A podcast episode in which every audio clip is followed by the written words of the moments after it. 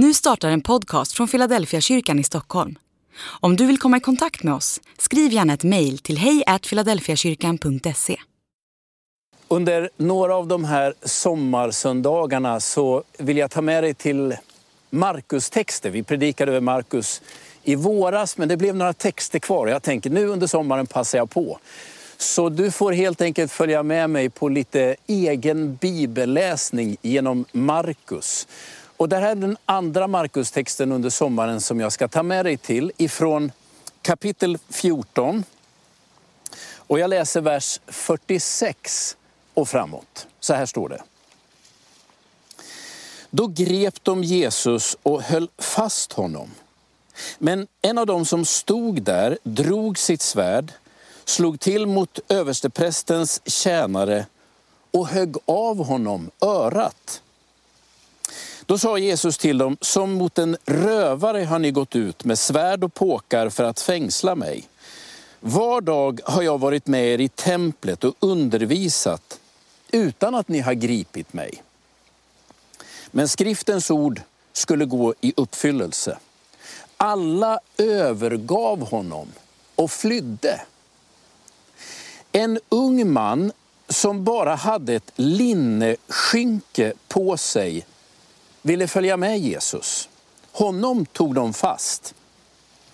Men han lämnade skynket kvar och sprang sin väg, naken. Det är bara Markus som berättar om den här ynglingen i linneskynket som i ett trädgård lämnar allt och flyr naken. Det är den ynglingen som jag ändå vill säga någonting om idag. Får alla en andra chans? Det är egentligen den bakomliggande frågan när jag läser om den här ynglingen. Jag hoppas du kan följa med. Har du någon gång varit med om att du har sagt att du ska ställa upp på något, du ska genomföra någonting och så precis innan det är dags så känner du att modet brister. Du klarar inte. Jag har en sån där upplevelse själv från min gymnasietid. Jag hade blivit kristen, vi hade bildat en kristen skolgrupp och på skolan hade vi gjort en stor hjälpinsamling till Polen som när jag gick i gymnasiet fortfarande var en del av Warszawapakten och kommunistblocket. Och så skulle vi samla hela skolan och berätta vad som hade hänt och jag hade sagt, jag talar. Men precis innan det blir dags så inser jag, jag fixar inte det här. Jag kommer aldrig att kunna stå inför hela skolan och säga någonting. Ögonblicken innan jag skulle upp på estraden så bara svek jag. Det där är en hemsk upplevelse. Och om det dessutom hänger ihop med den tro eller övertygelse du har och du tänker, det här vill jag göra och sen går det inte. Det sätter sig. Man glömmer aldrig. Det verkar som att det är något liknande med den här ynglingen. Han har bestämt sig för att slå följe med Jesus, men i ett Semane trädgård. När motståndet tätnar och trycket på Jesus och hans lärjungar blir för hårt, då sviker hans mod. Han lämnar allt bakom sig och flyr. Den här berättelsen är, är full av referenser. Jag ska, ge dig, jag ska ge dig två. Det första man noterar när man läser om den här ynglingen är att han en sen natt i Jerusalem, 800 meter över havet. Det är kallt, det är påsktid. Dyker upp insvept i en sindona, kallas det för på grekiska. Jag hittar inget bättre. Det är som, han har bara ett, ett linnelakan på sig. Kanske är det en dräkt, kanske är han bara insvept i någon sorts lakansväv.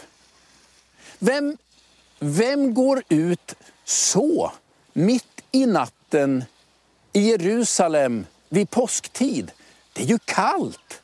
Alla andra har ju mantlar och långa klädnader på sig, men den här unga mannen, han har bara en vit linneklädnad och under den är han helt naken. Han har en sindona, så står det i grekiskan, på sig.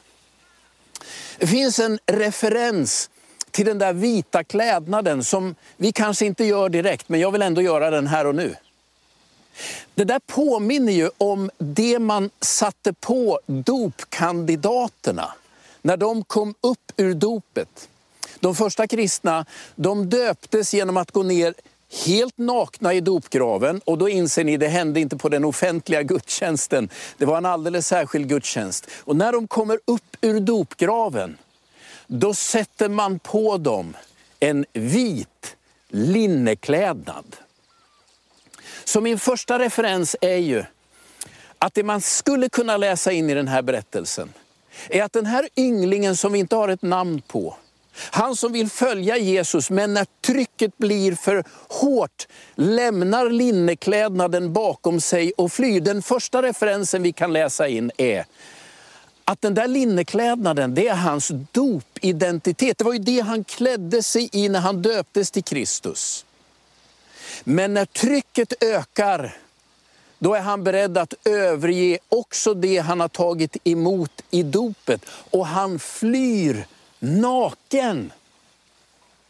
Den andra referensen den är kopplad till Gamla Testamentet.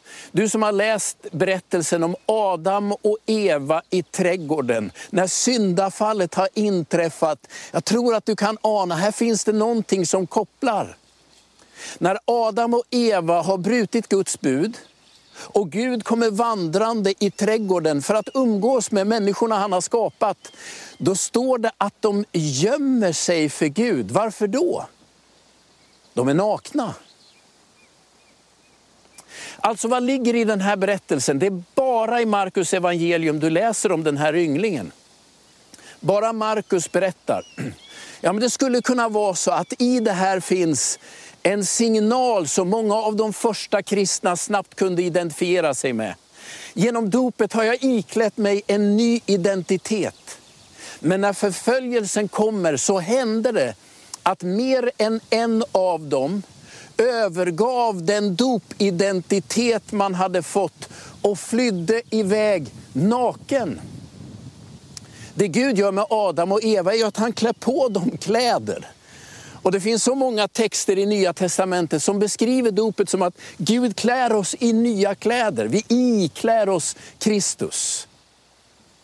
Så den symboliska läsningen av berättelsen om den här ynglingen som bara Markus delger oss är ju att det som händer i ett semane liksom blir en sinnebild för det många av oss i olika skeden i livet har varit ute för.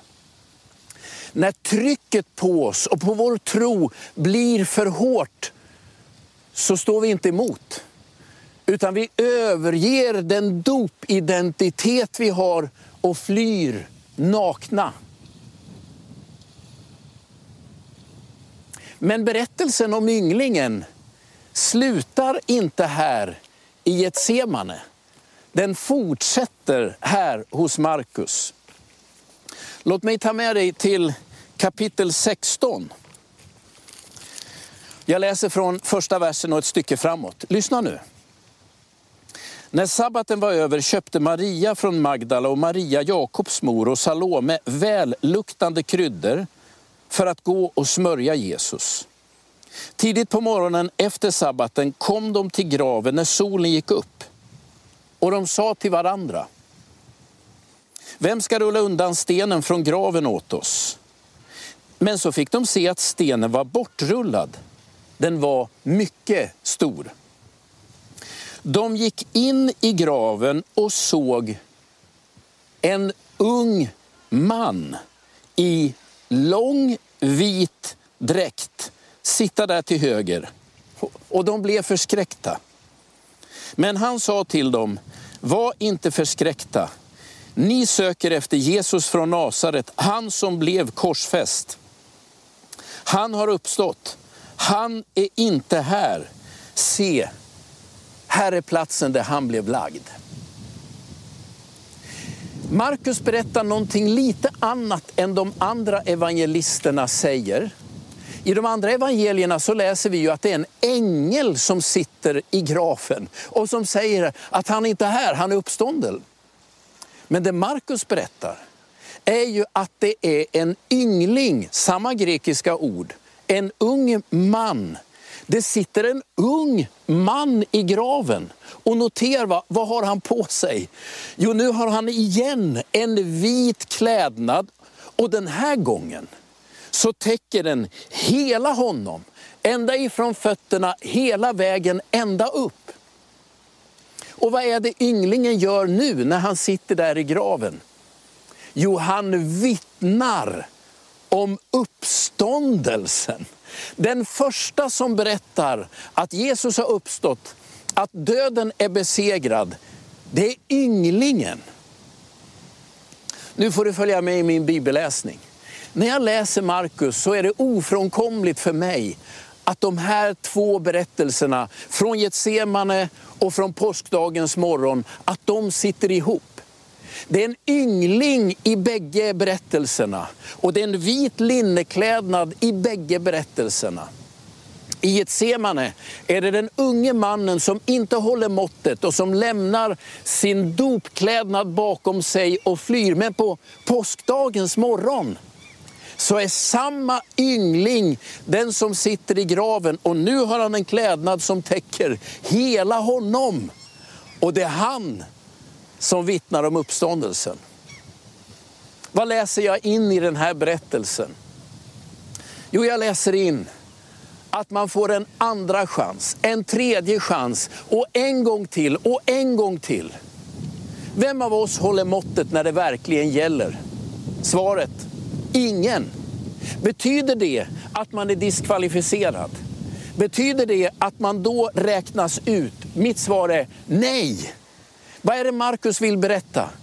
Jo, han berättar om den här ynglingen, jag ska snart komma till vem jag tror att det är, som inte håller hela vägen i ett semane, men som på påskdagen är vittnet om uppståndelsen. Om det har gått sönder i ditt liv, om du i skarpt läge vek ner istället för att stå upp för din tro, så är det inte kört. Du kan fortfarande vara ett vittne för uppståndelsen. Så vem är då den här ynglingen som bara Markus berättar om? Ganska många säger att det förmodligen är Markus själv. Och det finns två alternativ. Det ena är att Markus faktiskt skriver in sig själv i berättelsen. Ni vet ungefär som renässansmålarna som målar eh, motiv från passionshistorien eller Jesu liv. De brukade, inte alltid men rätt ofta, måla in sig själva. Det jag själv har tydligast bild av det är ju Rembrandts tavla som heter Korset reses. Där en av bödlarna bär Rembrandts drag. Det vill säga renässansmålarna ville liksom berätta evangeliet genom att sätta in sig själva i berättelsen. Det där var ingen okänd berättarmetod i antiken. Det hände att man skrev in sig i berättelsen, för, inte för att förvanska, utan för att göra poängen och visa betydelsen. Men det är ju fullt möjligt att Markus faktiskt var där och att det är honom och hans egen upplevelse det här handlar om. Vad säger det här om Markus? Ja, men låt mig ta med dig till Apostlagärningarna kapitel 16. Där står det om Markus, den Markus vi tror skrev detta evangelium. Efter någon tid sa Paulus till Barnabas, låt oss resa ut igen och se hur det står till med bröderna i alla de städer där vi har förkunnat ordet om Herren. Barnabas ville att Johannes, som kallades Markus, också skulle följa med. Men Paulus hävdade att den som hade övergett dem i Pamfylien och inte stannat hos dem i deras arbete, den skulle de inte ha med sig. Det kom till ett så häftigt uppträdande att de skildes åt. Barnabas tog med sig Markus och seglade över till Cypern. Paulus däremot utsåg Silas till sin följeslagare. Och sedan bröderna överlämnat honom åt Herrens nåd bröt han upp. Apostlagärningarna 15, vers 36 och framåt. Här berättas ju om Markus, den Markus vi tror författar evangeliet. Och vad är det Lukas berättar om Markus? Jo, han berättar att denne Markus, som fanns med på första missionsresan, inte höll måttet. Paulus säger, hur ska vi kunna ha den med oss som övergav oss? Kan du se parallellerna? Vad är det Markus berättar i sitt evangelium? Om ynglingen som är beredd att släppa den identitet han har fått av Kristus och fly iväg i all sin nakenhet. Jo, det han säger i sitt evangelium är, man får en andra chans. Samma yngling som har flytt naken sitter nämligen på påskdagen i graven, nu iklädd i en helvit fotsid klädnad som inte som inte visar någon nakenhet och vittnar om Jesu uppståndelse. Läs den här berättelsen symboliskt. Mycket möjligt är det Markus själv det här handlar om. Vad är det han vill säga? Jo, han vill säga att även om du har vikt ner en gång, två gånger eller fler gånger, så är evangeliet till sin karaktär sån att du alltid får en chans till. Har du lämnat din dopidentitet bakom dig och flytt, låt Jesus klä dig igen. Och även om du inte höll måttet i skarpt läge, du är fortfarande välkommen att vara ett vittne till uppståndelsen. Får alla en andra chans? Min fasta övertygelse är om och om igen, ja. Detta är hela kärnan i evangeliet. Och berättelsen om den nakne ynglingen i ett semane trädgård, som sen är vittnet vid graven, säger för mig en och samma tydliga sak. Det är aldrig kört. Har du nekat din tro, har du flytt iväg naken, du är välkommen tillbaka. Låt Jesus klä dig igen.